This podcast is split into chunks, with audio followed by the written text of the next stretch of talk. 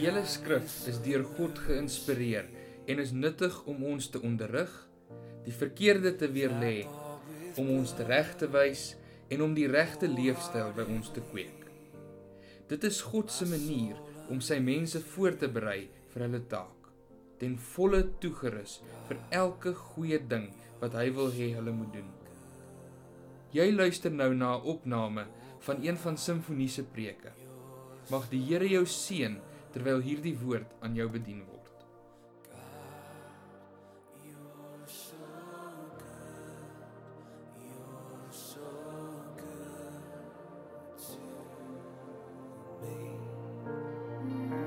En daar was 'n 'n jong vrou, jong meisie wat die Here nodig gehad het. Toe die Here hier by haar kom, toe stuur die Here sy engel En die engel kom by Maria uit. Haar naam was Maria. Die engel kom staan stil by Maria en hy praat met haar en hy sê Maria, weet jy jy sal swanger word. Jy sal 'n seun in die wêreld bring en jy moet hom Jesus noem. Jy gaan swanger word, jy gaan 'n seun in die wêreld bring en jy moet hom Jesus noem. Maar sy begin sommer onmiddellik proteseer. Sy sy sy sê nee nee nee, jy het 'n groot fout. Jy het 'n groot probleem engel. Jy ken nie my omstandighede nie. Ek is 'n jong vrou, ek is 'n meisie. Ek was nog nooit getroud nie. Ek het nie 'n man nie. Hoe kan ek 'n seun in die wêreld bring? Maar die engel sê vir haar: Alle dinge is by God moontlik. Alle dinge is by God moontlik. Niks is vir God onmoontlik nie. En dan kom sy in 'n reaksie. En hierdie reaksie wil ek vanaand as my tema teks gebruik. Ons gaan dit lees in in Lukas 1 vers 38. En Maria sê vir die engel: Hier is die diensmaagd van die Here. Laat dit met my gaan volgens u woord. En die engel van die Here het van haar af weggegaan. Hier is u diensmaagd, ek is gewillig. Laat dit met my gaan volgens u woord. Die nuwe vertaling sê laat dit met my gebeur soos wat u dit dan ook gesê het. Ek was eendag by 'n ouer tannie in huis 'n paar jaar gelede en ons het gesels en onder andere praat ons oor die ou duiwel en die werke van die duiwel in die lewe van mense en en uh, en toe sê sy pastoor ons kan baie slegte dinge van die duiwel sê en dit is so waar. Sy sê maar daar's een ding wat jy nooit moet vergeet nie. Die duiwel is nie lui nie. En toe dink ek ja, antie, jy's reg. Hy's nie lui nie, hy is baie fliks. Maar wat ek vanaand vir jou kan sê is dat die Here God wat ons dien en wat ons ken en wat ons aanbid, sit ook nie stil nie. Hy's nie 'n God wat met gevoude arms sit en net kyk en toe kyk wat moet gebeur sal gebeur en hy word maar maar net 'n toeskouer in al hierdie dinge nie. Inteendeel, as jy die Here God ontmoet in die Bybel, dan leer ons hom ken as 'n werkende, aktiewe, meelewende God. Is dit nie waar nie? Kan jy sê amen? Hy's 'n aktiewe, werkende God. As ek na sy skepping kyk en ek sien hoe dat hierdie skepping onderhou word en hoe dat hierdie skepping in sy hand gedra word, dan is die grootheid vir my oorweldigend en dan besef ek, maar God bly aan die werk. Wat vir my baie belangrik is, na die skepping staak, toe hy die die, die skepping heeltemal voltooi het, het hy nie teruggesit en gesê, nou gaan ek op pensioen en nou gaan ek rus en kyk hoe hierdie dinge werk nie. Nee, na die skepping het hy absoluut betrokke geraak by sy skepping en hy bly betrokke want weet jy, die son het nie vanaand van self ondergegaan nie. Hy het dit uit 'n hoër hand gesag ontvang. Want God is besig in sy skepping, maar veral in die lewe van mense. Mense wat die kroon van sy skepping is. Mense wat die belangrikste vir hom is in sy hele skepping. Hy bly by hulle betrokke en jy kan inderdaad vanaand eh, so self op jou op jou skouertjie klap en dan vir jouself sê, maar die Here wil ook betrokke wees in my lewe. Hy wil ook werksaam wees in my lewe. Hy wil nie stil sit en maar net toe kyk dat dinge met my lewe gebeur nie. Nee, hy stel intens belang in die wel en in die wee van my lewe. Na na die skepping vind ons die mens in die tuin van Eden en alles het hy volmaak geskape. En toe hy dit alles geskaap het, sê Genesis 1, het God oor dit alles gekyk en en dan sien hy die skepping en dan sê hy man, maar dit is goed, dit is baie goed. En so die skepping is sy plek ingeneem in die wêreld, 'n baie baie goeie. Maar dan kom die sondeval, die verskriklikheid van die sondeval en die vyand mislei die mense en dis mense gee oor aan sy onskulte en hy gee oor aan die mag van die van die duiwel en die mens word uitgeruk uit God se teenwoordigheid. Die mens word weggevat van God se nabyheid en hy word aangetas. Die skepping van God word aangetas. Die mooi en die goed word weggeneem. Die heilige en die onskuldige moet verdwyn en die sonde het sy merk kom maak op die lewe van die mense en God het gesê jy sal sekerlik sterwe en God laat egter nie toe dat die mens in die sonde toestand bly lewe nie. Onmiddellik toe die sondeval kom en daar skeiding tussen God en mens kom, tussen skepper en skepsel, is dit hy wat eerste toenadering soek en is dit hy wat onmiddellik kom en sê die sonde het 'n skeiding gebring. Die sonde het die mens uit God se teenwoordigheid geneem en die sonde oor die die dood oor die mens gebring. Maar God het gesê ek sal iets daaraan doen. Weet jy dis vir my een van die wonderlikste tekens van God se liefde. Dat hy onmiddellik in 'n reaksie kom en sê ek sal iets aan hierdie toestand doen. Daarom kry ons eh, dit so duidelik in in in in, in Genesis 3 vers 15 16 waar God sê seun kom sal iemand stuur. Ek sal hierdie probleem aanspreek en al sou dit my seun kos, gaan ek hom stuur om na hierdie wêreld te kom om dit wat mooi en goed was weer te herstel, om die teenwoordigheid van God weer na mense toe te bring en aan die mense die ewige lewe te skenk. So het God onmiddellik besig geraak om te werk in die lewe van mense. En in daardie oomblikke het hy hierdie plan van hom in werking gestel en God begin na mense kyk en hy sien 'n aardsvader raak, 'n man van van van van integriteit, 'n man van geloof en toewyding met die naam van Abraham en hy roep Abraham. Hy sê kom uit uit jou volk en uit jou vader se huis en uit jou mense en ek gaan van jou 'n volk maak en uit hierdie volk sal ek vir julle 'n verlosser stuur. So begin God werke en nadat hy Abraham geroep het, word Isak gebore en Isak die tweede aardsvader en nadat hy daar was, kom Jakob vir Abraham, Isak en Jakob en uit Jakob word daar 'n hele volk gevorm en God begin werk met 'n volk en hy noem hierdie volk Israel. My volk my verbondsvolke. En uit hierdie volk sê hy gaan ek iemand stuur. Uit hierdie volk gaan ek 'n pad loop een wat baie duidelik die weg sal aanwys. En so bly God aan die werk in die lewe van sy volk van sy mense. Al sien mense dit nie, al merk die volk dit nie op nie, al lyk dit nie vir hulle of dit so is nie, maar God is besig om te werk met hierdie volk.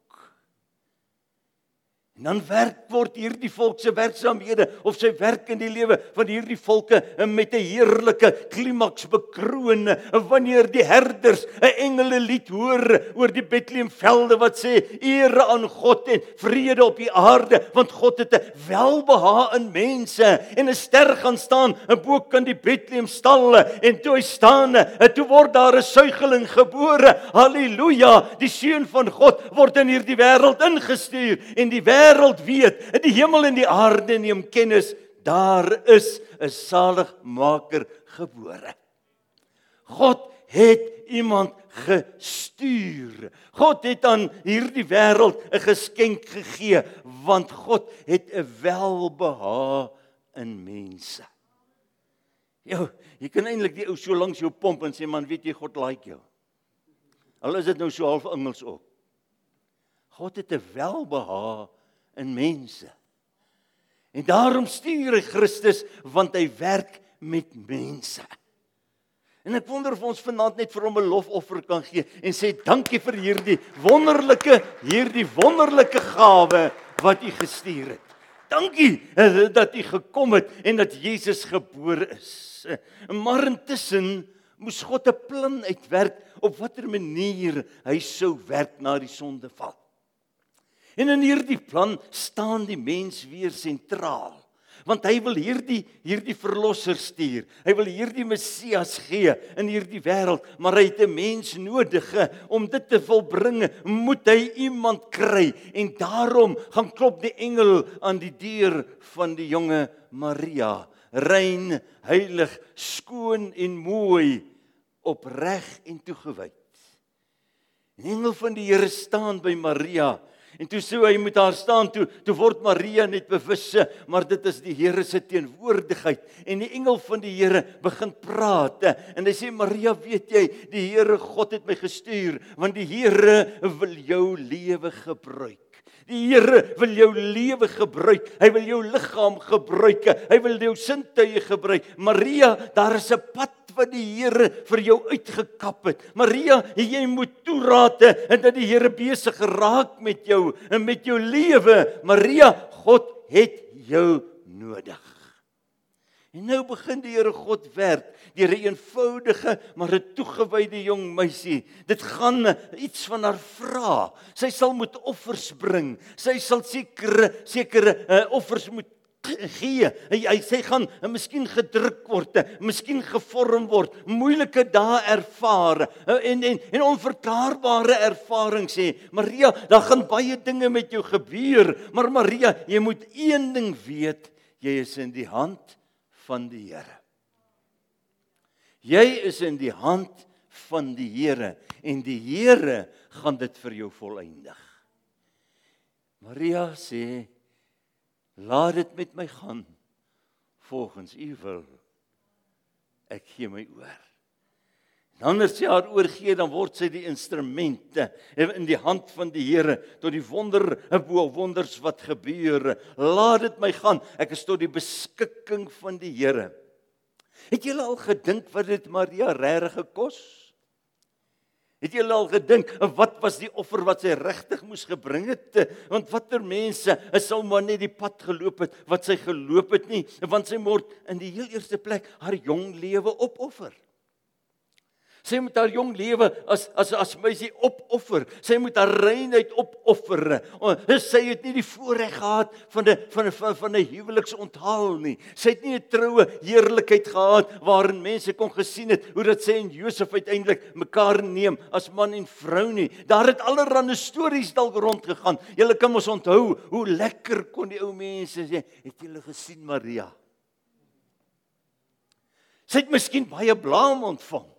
Sy het miskien veragting ontvang, maar Maria het die pad geloop. Daar was miskien baie kwaadspreekers wat allerlei dinge gesê het en sy het deur stryd gegaan. Miskien het sy ook baie nagte wakker gelê en het daar trane gekom. Ek wil nie ek wil nie inligkinde plig nie, maar ek wil my so 'n bietjie in Maria se posisie stel. Om vir jou te sê God gebruik net gewone mense. Hy werk met gewone mense. En toe die suigeling gebore word. Toe die ster bo kan die die stal van Bethlehem gaan staan. En die wyse manne kom in en hulle kom met hulle geskenke by daardie krib neerkniel en hulle bring hulle geskenke goud en wierook en mirre en saam met hulle kom die herders in. En hierdie herders sê ons het sy ster gesien hulle sê ons het sy engele gelied gehoor en hulle is buig. Die Bybel sê en hulle het hom aanbid en hulle het voor sy wieg gekniel. En toe hierdie dinge begin gebeur toe weet Maria dit is alles die moeite werd. God het woord gehou God werk met mense. God is besig in die lewens van mense en daardeur wil hy homself baie duidelik bewys en God se heerlikheid word na vore gebring deur gewone mense. Want die mense doen nie die werk nie behalwe as die gees van God gee om te werk. En so werk God se gees met mense. Maar weet jy wanneer ons dan kyk na die gelewe van Jesus Christus? Want die Bybel sê hy's gebore as 'n mens, hy's groot geword as 'n mens, hy't gelewe as 'n mens en hy sy plek in hierdie wêreld ingeneem as 'n gewone mens. sien ons in sy lewe hoe dat die Vader besig bly met sy seun. Hy het hom nie net gestuur en gesê ek gaan en volbring jou sending nie, maar van die begin af is die Vader kennerlik besig in die lewe van sy seun Jesus Christus. Hy staan kragtig in sy bediening. En hy sê dit wat ek doen, doen ek nie uit myself of as die Vader dit nie vir my gee om te doen nie. Dit wat ek sê, sê ek uit myself nie, maar ek sê net wat die Vader sê ek moet doen en dan doen hy wonderwerke. Hy begin 'n evangelie verkondig en en baie teespoed kom sy pad langs. Hy word beskuldig vir allerlei dinge. As hy as hy preek, dan dan is daar mense wat dit teestaan. As hy nie preek nie, dan sê hulle hy is van die duiwel af. Sommige soek sy lewe, ander wil hom uit die uit die uit die samelewing uit weg hê. Ja, almal, maar maar maar die Vader het nooit geslaap oor sy seun se lewe nie.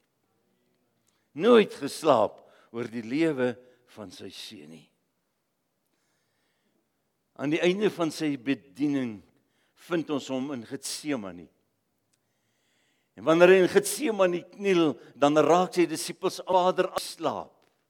Hulle los hom alleen en hy daar gaan kniel en en die naam van sy vader aangeroep en uit sy hart begin bid. Hy het besig geraak terwyl hy alleen was en daar moes hy sy stryd stry. Daar moes hy sy oorwinning behaal. Daarin moes hy die werklikheid van dit wat gaan kom in die oë kyk en nou begin hy bid want hy sien die Vader het planne met sy lewe. Hy besef die Vader het sekere idees wat moet kom en hy voel hy kan dit nie dra nie. Hy's net 'n mens. Hy kan dit nie hy hy, hy sal dit nie kan volbring nie en dan begin hy om te bid. Vader, as dit moontlik is, laat hierdie beker by my verbygaan. Soos 'n kind voor die Vader kom staan, want staan Jesus voor sy Vader en hy sê Vader, is dit nodig dat ek hierdie pad moet loop? Is dit nodig dat ek die kruise 'n lyding moet ervaar en deurleef? Ag, dit is so verskriklik pynlik wees. Dit gaan so geweldig wees. Vader, is dit werklik moontlik en nodig? Kan U nie maar net help dat die beker by my verbygaan nie? Maar aan die einde sê hy nogtans nie soos ek wil nie, maar soos U wil. In ander woorde, dieselfde woorde as Maria. Vader, ek is tot u beskikking om te doen wat u wil hê dat ek sal doen.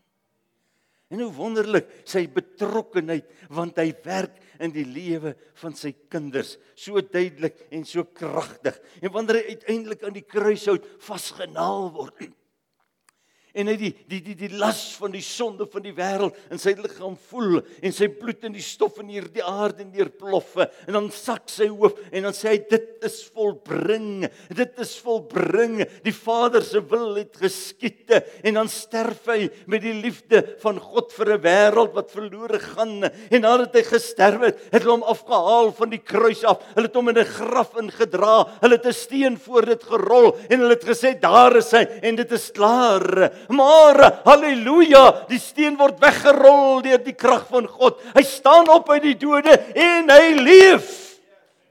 Halleluja, hy leef en hy roep oorwinning uit. Hy roep oorwinning uit want die Vader het hom opgewek in die Gees se krag. En toe hy opstaan uit die dood, toe weet die hemel, maar toe weet die hel ook wie hy is en wat hy is. Aarde en mense die duiwel het bewus geword God is aan die werk. Hierdie wat julle hier sien en hier ervaar is nie 'n mens nie, maar dit is God aktief besig in diens. Weet jy, God is ook besig met jou lewe. Dink jy ek skiet in die donker? Dink jy ek is 'n kansvatter? So lief het God die hele wêreld gehad waarvan jy 'n deel is. En hy het sy seun gestuur om die offer van die kruis te betaal sodat jy ook sy verheerliking in jou lewe te mag hê. Daar is 'n liedjie wat sê toe hy sterf op die kruis, toe is dit my naam wat hy noem. God is besig ook in jou lewe. En weet jy die dag toe jy God se woord gehoor het en die woord vir die eerste keer na jou toe gekom het, het jy bewus geword maar die Here praat met my. Is ek reg? Dis mos hoe die gees van die Here werk. Ja, sy roepstem het gekom want jy is 'n mens wat hy so liefgehad het dat hy sy alles daarvoor gegee het en daarom vra hy net gehoorsaamheid dat jy kan hoor en kan verstaan. En nou is dit so dat wanneer jy die stem van die Here hoor, wanneer jy bewus word, hy wil werksaam wees in jou lewe. Hy wil 'n sê hê in jou lewe. Hy wil jou op 'n pad vat. En dan is daar twee reaksies wat ons kan doen. Ons kan net soos Maria ook sê, Here, hier is ek. Wat wil U hê dat ek vir jou sal doen? Here, ek gee my oor aan doen met my soos U wil of of ek kan dit net ignoreer en wens dat dit weggaan en dit sal weggaan want God se gees pleit nie vir altyd nie. En terwyl hy pleit by jou en terwyl hy vra na jou, vra hy, "Kan ek met jou lewe werk? Kan ek my plan en my doel met jou lewe bereik?" Kan ek jou ook gebruik en jou lewe en jou talente en gawes gebruik om daardeur die koninkryk te verkondig, daardeur die koninkryk te bou en jou vas te maak sodat jy my eiendom sal wees, sodat jy aan my sal behoort met jou hele alles. Ek glo ek wil eenvoudig glo God is elke dag besig met jou en met my. Dis waarom hy daar is om sy hand en sy werk in ons lewens voort te sit. En daarom is dit so, liewe broeder en suster, liewe jong mense, luister mooi vir my. Hy praat dikwels met mense. Hy laat toe. Hy laat toe dat sekere dinge gebeur en dan wonder jy waarom gebeur hierdie dinge? Waarom het hierdie ding my getref? Waarom het daai ding ding getref? Ek sê nie God bring dit nie. Ek sê God laat toe dat sekere dinge met jou gebeur sodat jy kan stil word en weet maar God se hand staan voor jou. So is hy besig om om soms onvoor uh, onvoorspelbare dinge te bring in jou en in my lewe. Ja, uh, hy hy begewe ons 'n sekere pad en dan begin ek op 'n pad te loop. Ek begin met mense te doen kry wat met invloed op my lewe het. 'n Sekere sake kom na my en my liggaam en na my lewe toe en ek, ek kan nie altyd sê soms is dit moeilik, soms is dit maklik, maar sekere dinge gebeur wat vir my sê God is besig in my lewe. En as jy dit nog nie weet nie, mag jy van vanaand af opnuut besig word om te besef God werk in jou lewe duidelik.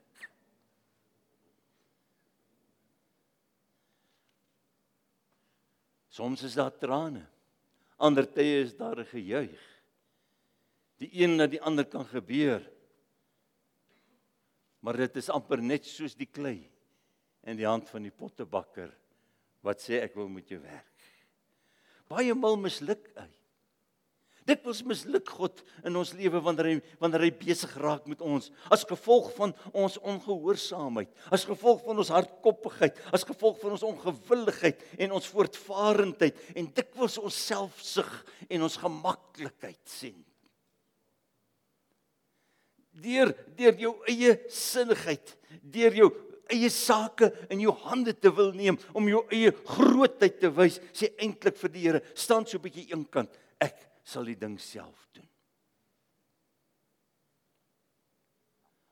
Ander kere roep jy jouself eenkant toe. Weet jy ek ek kan nie sê siekte kom van 'n God af nie. Ek sal dit nooit sê nie. Want dit kom nie van God af nie. Dis 'n gevolg van die sondeval. Maar God laat baie maal siekte toe dat ek en jy kan stil word en weet net God kan my help. Soms land jy in 'n doodloopstraat waar jy voel al praat ek met mense, al val ek raad, ek ek ek voel ek kan nie hierdie dinge meer hanteer nie. Dan is hy besig om jou bietjie stil te maak. Om net weer vir jou te sê my hand is besig in jou lewe. God die groot pottebakker met my sy klei. Maar weet jy as die Here in my lewe en in jou lewe werk, dan is dit altyd ten voordele. Is dit altyd om te soek en te red wat verlore is? Is dit altyd om jou en my uit te ruk uit die sonde van die wêreld en die ongeregtigheid van hierdie wêreld? Hy hy wil ons altyd uitred om dit wat in die sonde val in die tent van Eden beroof was te herstel, die mooi, die goeie en die welaangename en uiteindelik is eintlik die ewige lewe. Want God het ons nie eintlik gemaak om te sterwe nie, hy het ons eintlik gemaak om te lewe. Dis wat die Bybel sê. Maar die sonde het ons by die sterf uitgebring en en die sterwe het gemaak dat hierdie ou liggaam teruggaan na die stof van die aarde, maar die gees moet na God teruggaan wat dit gegee het. Weet jy daarom wil hy aan jou en aan my die lewe skenk. Hy wil dit in ons harte herstel, maar hy hy hy hy hy hy hy, hy wil met ons lewens.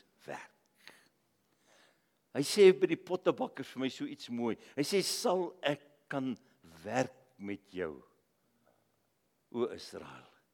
Kan ek werk? Weet jy dis die, die wonderlikheid. Iemand het eendag gesê man, die Here is 'n gentleman. Hy gryp nie net in en verwoes jou nie. Hy vra jou toestemming om met jou lewe te werk.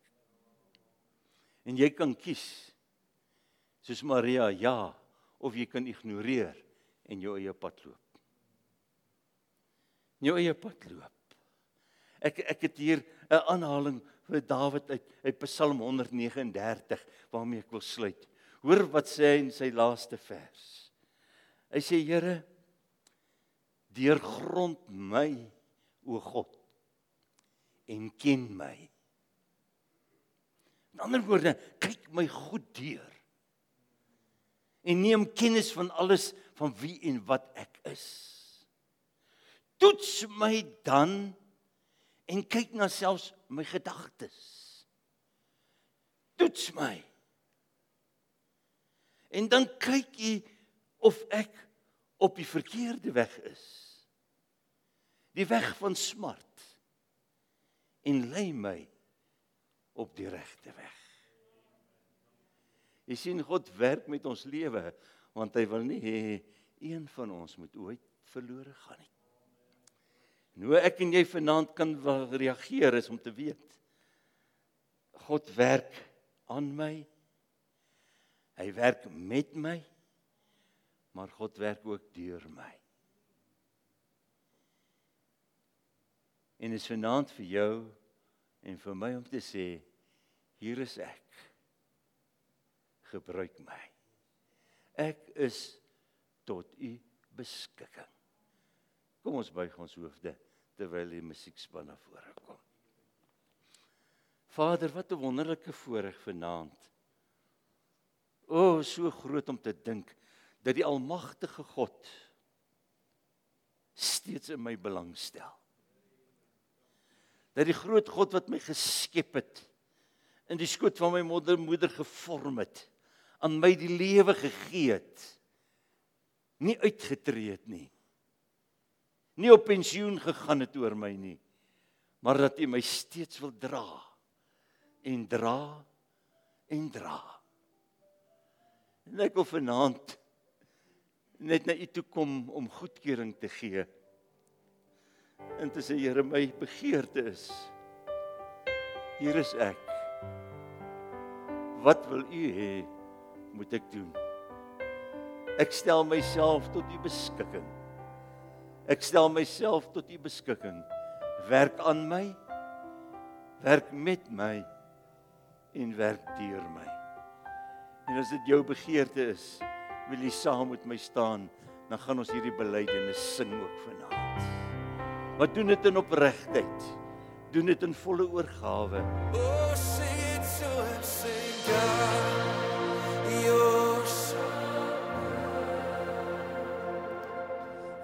Dit is ons opregte wens dat hierdie boodskap jou geïnspireer het om elke dag te streef om liewer vir God, liewer vir jou gemeente en liewer vir die gemeenskap rondom jou te word. As jy meer wil uitvind oor simfonie en wat daar gebeur, besoek gerus www.simfonie.co.za. Mag die Here jou seën.